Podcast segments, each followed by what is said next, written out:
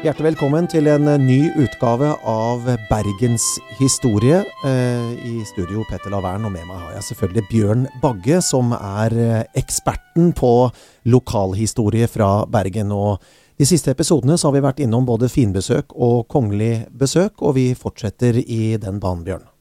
Ja, i dag skal vi snakke om prinselig besøk.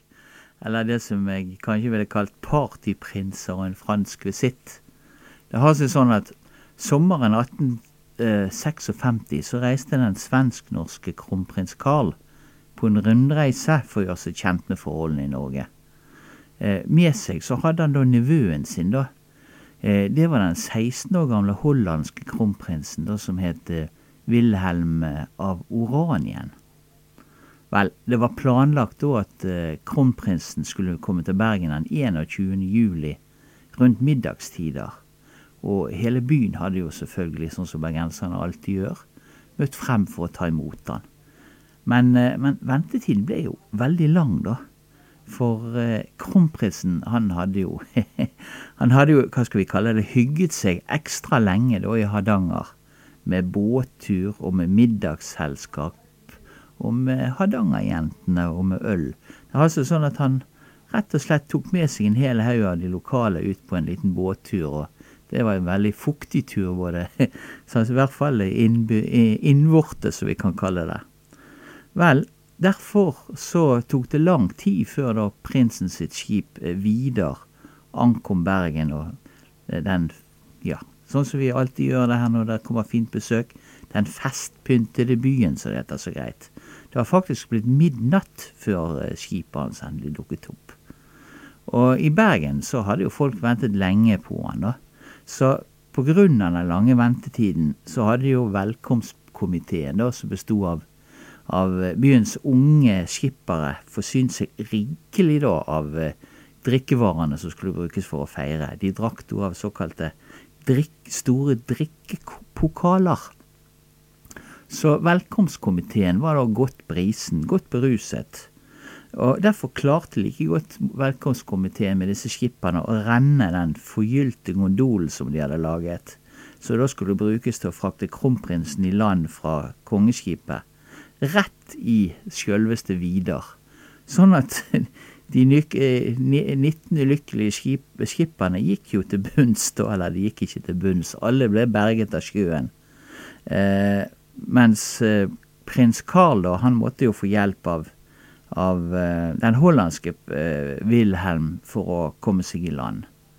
Vel, dette var jo en, hva skal du si, en liten katastrofe, eller i hvert fall en sensasjon på den tiden. Uh, så, men kommentaren da fra Bergensposten i etterkant syns jeg jo egentlig var ganske bra.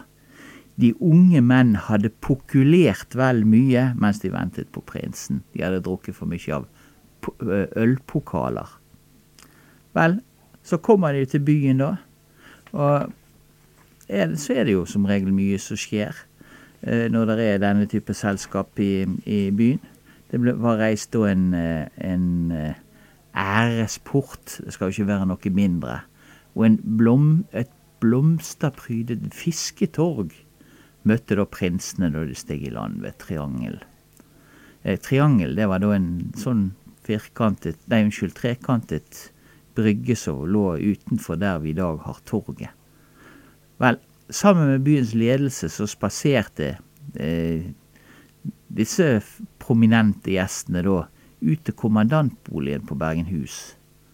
Kronprinsens ankomst ble feiret hele natten gjennom med kanondrønn, med musikk og selvfølgelig jublende bergensere. Og dagen etter så spanderte prinsen middag på byens fattiglemmer i leprasykehuset på St. Jørgen. Eh, Sjøl spiste han imidlertid selvfølgelig sammen med byens ledelse i losjen, som var den tidens store festlokale. Her ble det servert ikke mindre enn 28 retter, og en bergensk torskerett falt da såpass i smak at den for ettertiden ble kalt for prinsefisk. Vel, etter en middag fylt med skåler og taler, så var det gallaforestilling i teatret organisert av Henrik Ibsen, som var da eh, ansatt på, på teateret i Bergen på den tiden. På programmet sto stykket Nei. Ifølge prins Karls følgesvenn Fritz von Dardel, som skrev dagbøker fra denne turen, da, så var skuespillerne både upolerte og klossete.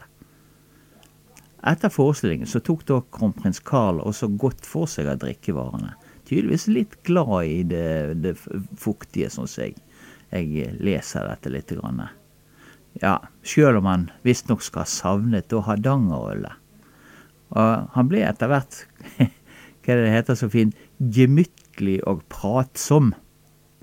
Hollenderprinsen derimot, han ble da visst ganske uefterrettelig. Hva som ligger i det, kan dere sjøl tenke dere. Vel, dagen derpå så var jo kronprins Carl først i byen for å se på folkelivet. Og deretter var det en militær mønstring på Årstad.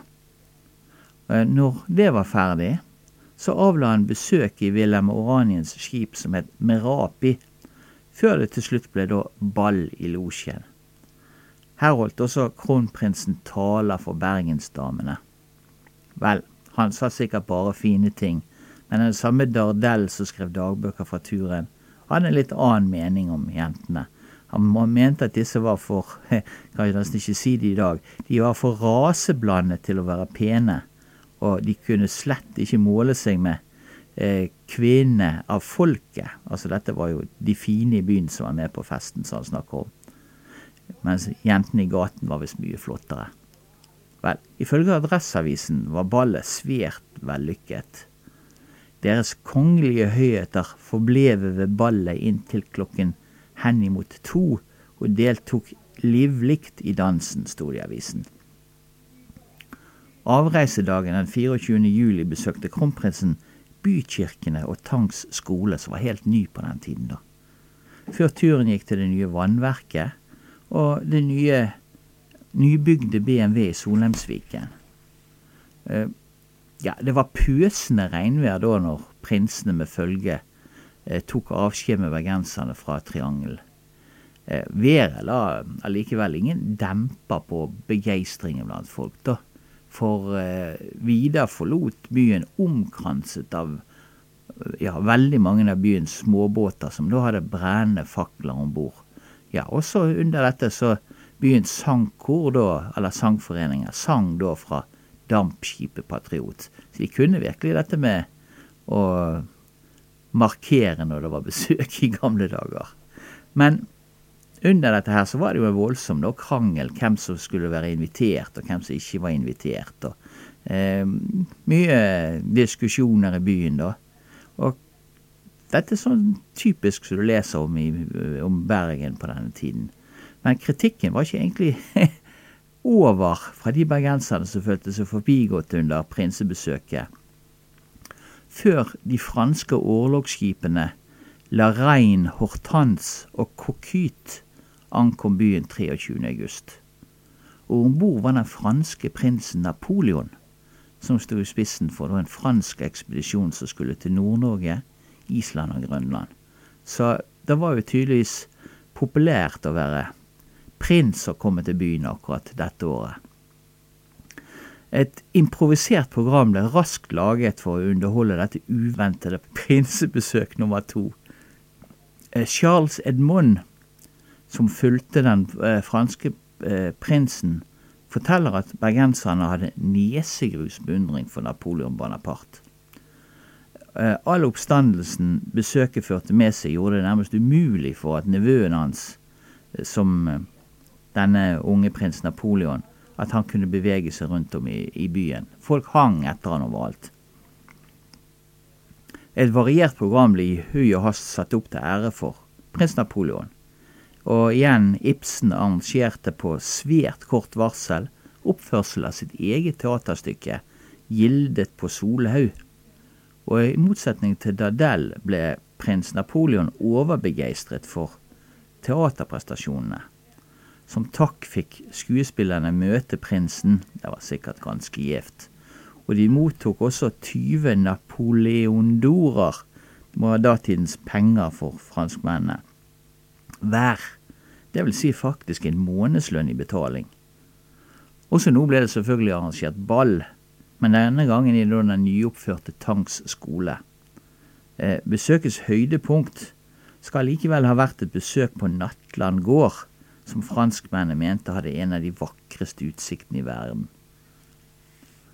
Ja, det hører jo med til, at, til historien at den planlagte ekspedisjonen til franskmennene nordover ble avlyst pga. Av dårlig vær. Og istedenfor så satte prins Napoleon kursen mot Kristiania, hvor han da festet videre med kronprins Carl.